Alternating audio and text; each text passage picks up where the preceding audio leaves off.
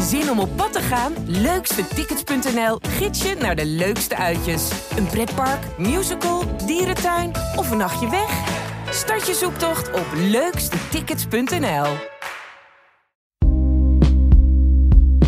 Hallo, mijn naam is Pieter Klok. Ik ben hoofdredacteur van de Volkskrant en dit is een nieuwe aflevering van de Volkskrant Elke Dag. Een dagelijkse podcast waarin we de achtergronden bij het nieuws bespreken en vooral ook proberen te schetsen hoe de wereld op tal van terreinen onder onze ogen aan het veranderen is. En vandaag gaan we naar China waar toch afgelopen uh, weekend vrij uh, spectaculaire demonstraties uh, hebben plaatsgevonden. We gaan dat uitgebreid bespreken met uh, Leen Vervaken, onze correspondent uh, ter plaatse. Uh, hallo Leen. Dag Pieter. Was je nou verrast door die demonstraties van afgelopen weekend? Of zag je, voelde je het al een beetje in de lucht hangen? Ik was erg verrast, moet ik zeggen. En heel veel mensen met mij. Ik voelde zeker de, de onvrede en ook wel de woede over het zero-covid-beleid toenemen. Maar ja, de algemene aanname was toch altijd dat dit soort protesten in China niet mogelijk uh, is. Uh, dat het uh, politieapparaat en de, en de controle en de surveillance daarvoor veel te sterk is. En dat ja, de Chinese inwoners hoe uh, uitgeput of onderdrukt ook uh, dat niet zouden aandurven.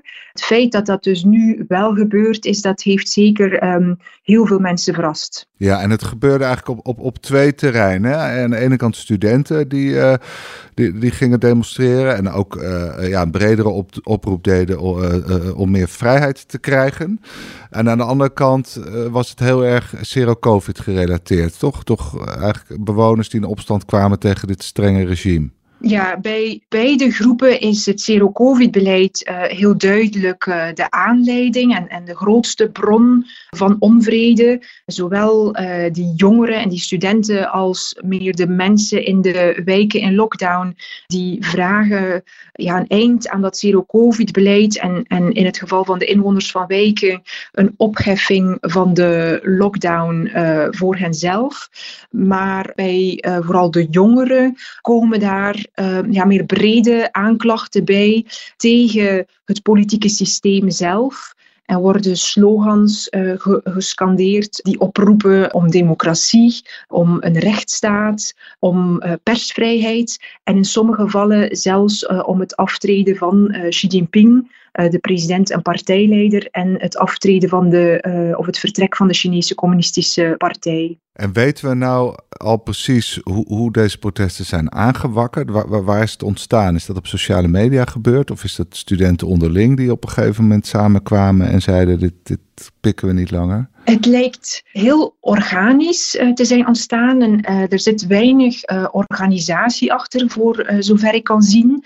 Wat ik eerder zei, je voelde heel erg dat de onvrede, de woede over het zero-covid-beleid de voorbije maanden al erg aan het toenemen was. En de afgelopen weken zagen we ook op verschillende plaatsen heel lokale protesten. Die waren dan tegen heel ja, concrete uh, lockdowns of wantoestanden gericht. Heel uh, gewelddadig was bijvoorbeeld uh, dat protest in de Foxconn-fabriek in Zhengzhou, waar men um, ja, actie voerde tegen de erbarmelijke quarantainemaatregelen en ook wel financiële regelingen. In andere steden kwam men in actie omdat er bijvoorbeeld mensen waren overleden, omdat ze geen toegang hadden tot medische hulp. Maar wat je uh, eigenlijk de voorbije week en, en in het weekend zag, is dat enerzijds een aantal uh, politieke ontwikkelingen uh, de woede erg deden toenemen. En dan heb ik het vooral over een versoepeling die was aangekondigd van dat zero-covid-beleid, maar die eigenlijk al heel snel weer werd teruggedraaid. Dat zorgde voor heel veel onzekerheid en chaos. En ik denk, uh, heeft die frustratie bij veel mensen nog doen toenemen. En dan vorige week donderdag was er die brand in Urumqi, in Xinjiang, waarbij minstens tien mensen omkwamen. Uh, volgens lokale inwoners werden de bluswerken bemoeilijkt door covid-maatregelen, door hekken rond het gebouw en uh, gesloten nooduitgangen. En dat uh, ja, bracht alle opgestapelde woede van de afgelopen maanden eigenlijk tot uitbarsting. Vrijdagavond zagen we protesten in Urumqi zelf. In de nacht van zaterdag op zondag sloeg het over naar Shanghai waar in de Urumqi-straat heel symbolisch werd geprotesteerd. En daarna zag je ja, als, een, als een lopend vuurtje door het hele land op heel veel universiteitscampussen, maar ook in grote steden mensen op straat komen. En dan tegelijk inderdaad in tal van wijken kwamen uh, mensen in opstand tegen hun lokale bestuur en vroegen zij het opheffen van hun lokale lockdown. Ja, en, en hoe heeft de politie in het algemeen gereageerd? Aanvankelijk, uh, het afgelopen weekend, hielden zij zich redelijk in. Ik denk dat ze voor een stuk ook overvallen waren. Het ging allemaal erg snel en ze waren misschien zelf ook erg verrast. En zoals gezegd, de protesten ja, begonnen eigenlijk vrijdagavond erg laat in Urumqi en daarna zaterdag, eigenlijk bijna in de nacht van zaterdag op zondag. Dus dat heeft uh, ja, misschien voor een verrassingseffect gezorgd. Maar ja, verder is het natuurlijk ook geen fraai beeld als je voor het oog van de camera's demonstranten moet uh, oppakken, uh, soms met geweld. Dus men heeft dat aanvankelijk uh, redelijk beheerst aangepakt en vooral geprobeerd om het echt te beperken in, in tijd en in ruimte. Maar ondertussen, we zijn dinsdagavond in, in China, ja, zie je dat de politie wel de controle uh, heroverd heeft. Op de plaats uh, waar nu nog demonstraties worden aangekondigd, uh, zijn ruim voor het aanvangsuur al enorm veel politie aanwezig. En als um, mensen zich naar die plaatsen begeven, dan worden ze heel snel tegengehouden, worden hun telefoons gecontroleerd, wordt gekeken of daar buitenlandse apps op staan en technologie om de Chinese censuur mee te omzeilen. En uh, verder zie je dat de repressie achter de schermen enorm is toegenomen. Om een voorbeeld te geven, uh, mensen die in Beijing op zondagavond deelnamen aan de betoging, die zijn uh, maandagavond één voor één opgebeld door politie, ondervraagd en gewaarschuwd dat zij um, ja, niet aan illegale bijeenkomsten mogen deelnemen. En sommige zijn ook via huisbazen, uh, schooldirecties um, gecontacteerd. Dus daar merk je dat men probeert het, het netwerk in te schakelen om uh, ja, een afschrikwekkend effect uh, te creëren. Eén heel typisch bericht misschien nog. Uh, het, het, moet zeggen, het is een bericht dat we op sociale media zagen en dat we niet konden verifiëren.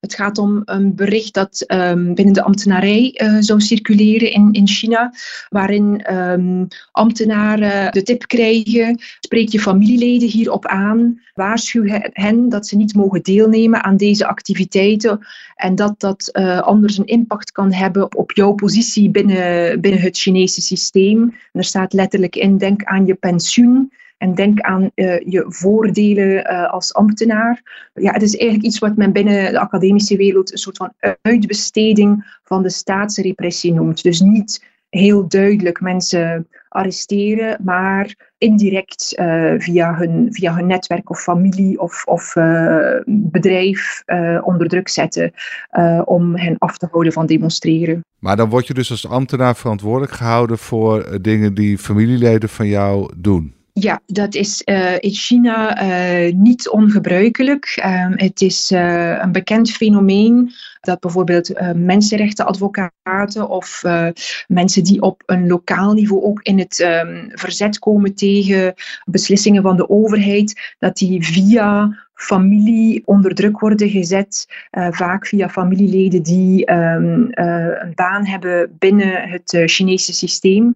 En um, nou ja, de Chinese overheidssector um, is een enorm grote sector, daar, daar werken enorm veel mensen in. Dus op die manier kan je eigenlijk bijna iedereen uh, wel onder druk zetten. Uh, een ander voorbeeld, uh, op um, heel veel metrostations in Shanghai worden mensen nu ook uit de menigte gepikt.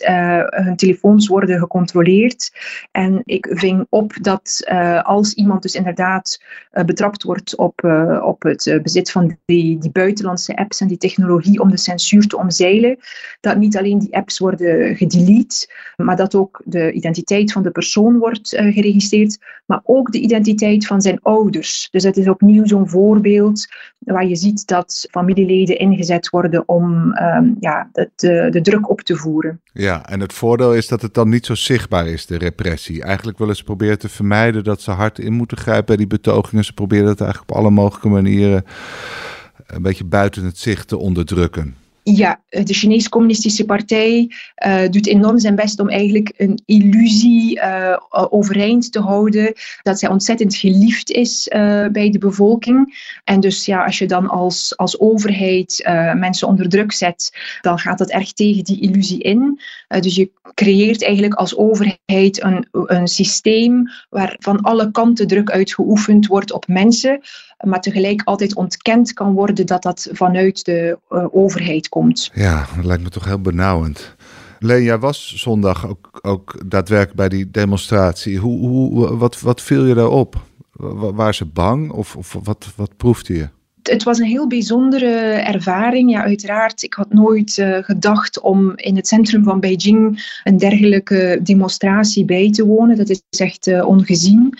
Maar je proefde ook heel erg dat mensen erg onwennig waren. Ze waren erg aftastend om diezelfde reden. Ik denk dat iedereen best um, bang was en het gevoel had dat ze een, enorm risico namen. Het bleef ook heel lang redelijk stil. Uh, na een tijdje begon men uh, wat slogans te roepen en, en begon men eigenlijk af te tasten hoe ver men daarin kon gaan. Uh, slogans die je in Shanghai hoorde, die echt om het aftreden van Xi Jinping riepen, uh, die werden in Beijing niet gebruikt. Maar men riep op een bepaald moment wel om stemrecht. Ja, dat, dat gaat in de hoofdstad van China, waar alles erg politiek gevoelig ligt, heel erg ver.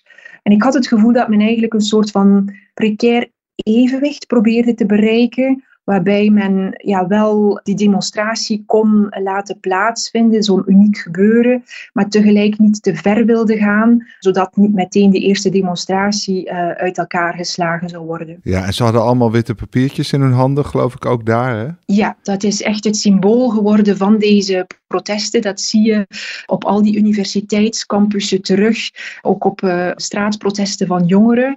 Het is eigenlijk een symbool dat we eerder in Hongkong hebben gezien. Uh, daar werden op een bepaald moment heel veel slogans illegaal en strafbaar verklaard, waarop enkele demonstranten het idee hadden, nou, als we geen enkele slogan meer mogen gebruiken, dan zullen we gewoon een blanco spandoek of een blanco blad papier laten zien. En ja, de censuur in, uh, op het Chinese vasteland is natuurlijk nog vele malen erger uh, dan in Hongkong. Dus vandaar uh, dat dit waarschijnlijk als symbool weer naar boven komt. En hoe liep het af? Bleven ze daar gewoon dan een uur staan en, en op, gingen ze op een gegeven moment allemaal weer naar huis? Of, of hoe heb je dat nog meegemaakt, hoe het eindigde?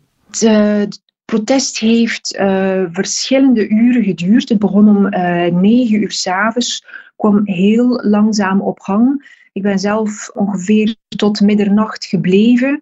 Toen begon de politie aan te geven dat het, dat het welletjes was geweest, dat het tijd was om naar huis te gaan.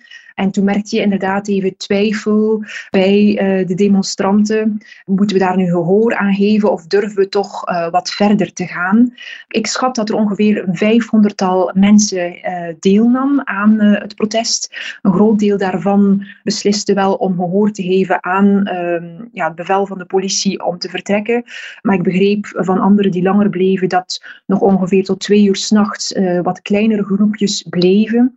Ik denk dat uh, op een gegeven moment het risico ook te groot wordt als je met een kleine groep achterblijft, dat er toch arrestaties worden verricht. Er speelt ook mee trouwens dat de temperaturen hier erg winters zijn. Uh, gevoelstemperatuur vandaag in Beijing is min 15 graden. Dus dat maakt het ook niet uh, evident om urenlang buiten te blijven. Vandaag hadden we in de krant uh, een foto van een arrestatie. Weten we hoeveel demonstranten zijn gearresteerd in Beijing en elders? Nee, dat uh, weten we niet. Er zijn uh, mensen die op videobeelden zo goed mogelijk proberen daar een getal op te plakken. Sowieso hebben we slechts een onvolledig beeld. In Shanghai zijn de meeste arrestaties verricht. Daar rekenen we met bussen en zouden verschillende bussen met arrestanten zijn gevuld. Dus dat gaat om tientallen arrestaties. En verder hebben we weet van arrestaties in Hangzhou, waar maandagavond een demonstratie was aangekondigd. Maar die uh, ja, werd eigenlijk door de politie neergeslagen nog voor ze was begonnen. Ja, verder zijn in, andere steden ook wel kleinere groepen uh, demonstranten opgepakt. Maandag werden bijvoorbeeld nog wel op universiteitscampussen heel kleine acties gehouden. Vaak eenmansacties of misschien twee, drie mensen die zo'n wit blad papier omhoog hielden. Maar meestal konden die niet langer dan vijf minuten uh, blijven staan. Binnen vijf minuten kwam iemand van de autoriteiten, van de politie, hen al uh, verwijderen. Je kan daar zeker een lange gevangenisstraf voor krijgen. Uh, het is onduidelijk of het regime dat nu meteen uh, zal uh, toepassen.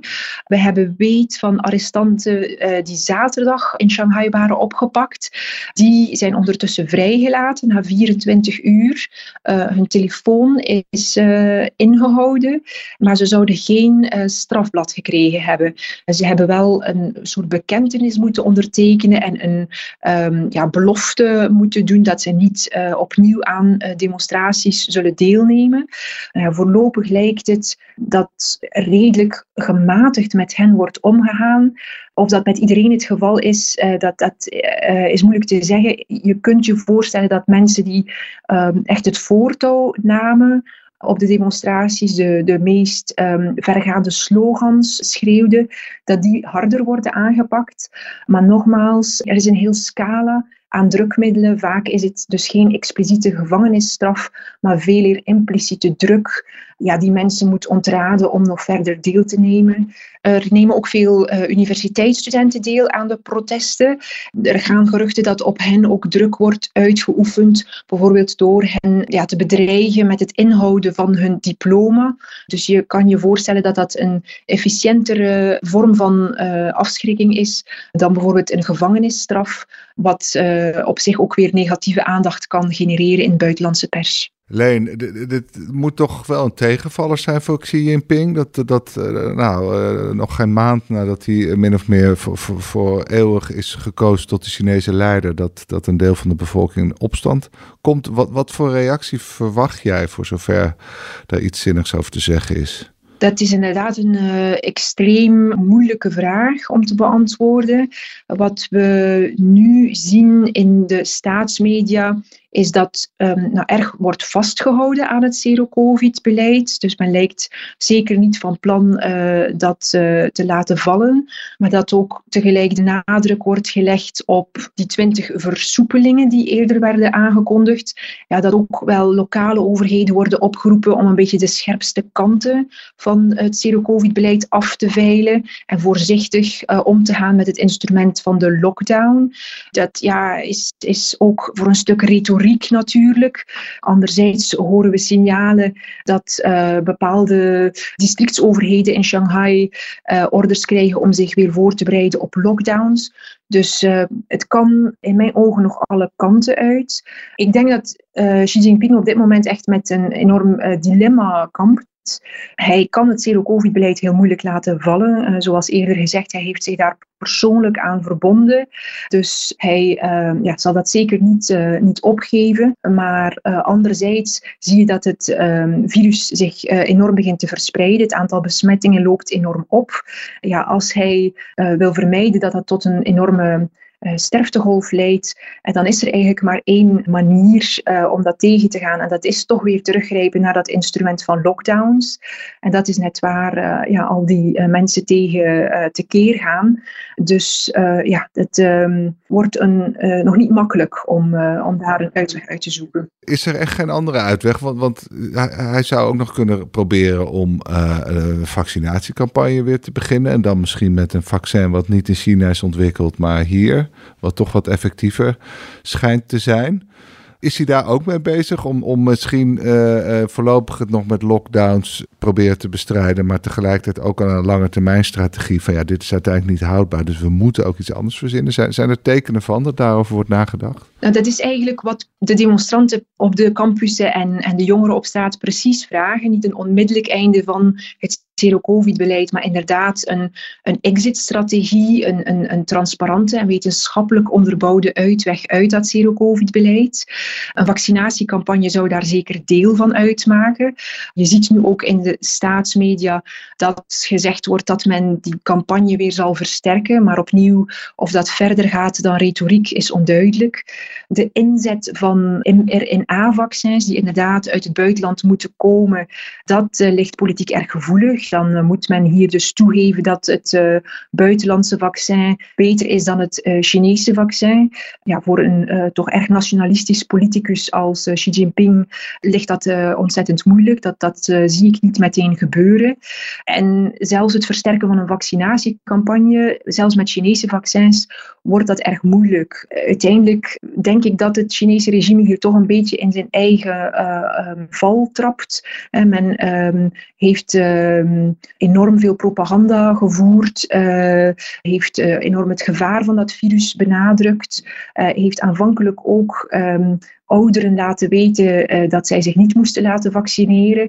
Ja, om dat beeld nu terug te draaien, dat wordt absoluut geen makkelijke opdracht. Maar dit ziet er dan toch nog steeds vrij somber uit, als ik jou zo hoor. Ik denk dat het er inderdaad uh, somber uitziet. Uh, en dat merk ik ook onder de uh, demonstranten, dat die vaak best pessimistisch zijn. Er is niet echt een goede oplossing om uit deze situatie te komen. Ehm, ja, stijging van het aantal besmettingen leidt allicht tot een gezondheidscrisis, tot een sterftegolf. omdat men zich dus onvoldoende voorbereid heeft op het loslaten van het zero-covid-beleid. Maar een vasthouden aan dat zero-covid-beleid, ja, dat leidt tot verdere lockdowns, uh, tot verdere economische schade en tot verder mentaal lijden onder de bevolking die zich echt, die echt uitgeput is van al die covid-maatregelen. Dus ja, echt een goede oplossing um, ligt niet meteen in het verschiet. Of een makkelijke oplossing in ieder geval, dat, dat ligt niet in het verschiet. Nou ja, dus Xi Jinping kan, kan weinig kanten op. Die zit toch een beetje vast in een heel ingewikkeld dilemma. Maar dat zal de onvrede in, onder de bevolking waarschijnlijk alleen maar doen groeien. Uh, wat, wat denk je, zullen die demonstraties in aantal toenemen? Of, of zullen ze er toch in slagen om, het, uh, om de geest weer in de fles te krijgen? Ik heb mij uh, afgelopen weekend laten verrassen door de schaal van de protesten. Dus ik sluit niet uit dat, dat we nogmaals verrast worden. Maar ik denk wel dat uh, de demonstranten het erg moeilijk krijgen als je ziet um, wat voor breed arsenaal aan controlemiddelen de politie nu inzet. Tegelijk hoor je wel dat uh, de demonstranten hier ook van leren en dat ze nu op buitenlandse sociale media tips aan het uitwisselen zijn om die surveillance maatregelen toch te proberen te omzeilen, om uh, arrestaties uh, van mededemonstranten eventueel te verhinderen. Ik nou ja, begreep dat uh, vandaag uh, nog wel hier en daar opgeroepen werd tot demonstreren, maar dat tegelijk heel veel mensen zeiden: doe dat nou niet. Op weekdagen is het moeilijk om een ja, voldoende massa mensen op de been te krijgen. Dus dat doet vermoeden dat er misschien in het weekend nog wat te verwachten valt, maar heel moeilijk te voorspellen of dat op korte termijn uh, zal gebeuren. Uh, wat zeker is, is dat de onvrede onder grote delen van de Chinese bevolking heel groot is. Zeker niet uh, weggenomen is. Ik denk dat op dit moment alles mogelijk is. Leen, nou, blijf het voor ons in de gaten houden. Dankjewel voor je heldere uitleg. U luisteraar, dank voor het luisteren naar deze aflevering van de Volkskrant Elke Dag. Morgen zijn we er weer. Dan spreken we uitgebreid met Geert Groot-Koerkamp over de situatie in Moskou. Graag tot dan. Op zoek naar een auto? Op gaspedaal.nl zoek en vergelijk je op meer dan 40 autosites tegelijk. Je zoekt op de grote autoportalen en bij de autodealer om de hoek. Je hebt het grootste aanbod en maakt daarom de beste vergelijking. En zo mis je nooit meer een auto. Zoek en vergelijk op gaspedaal.nl.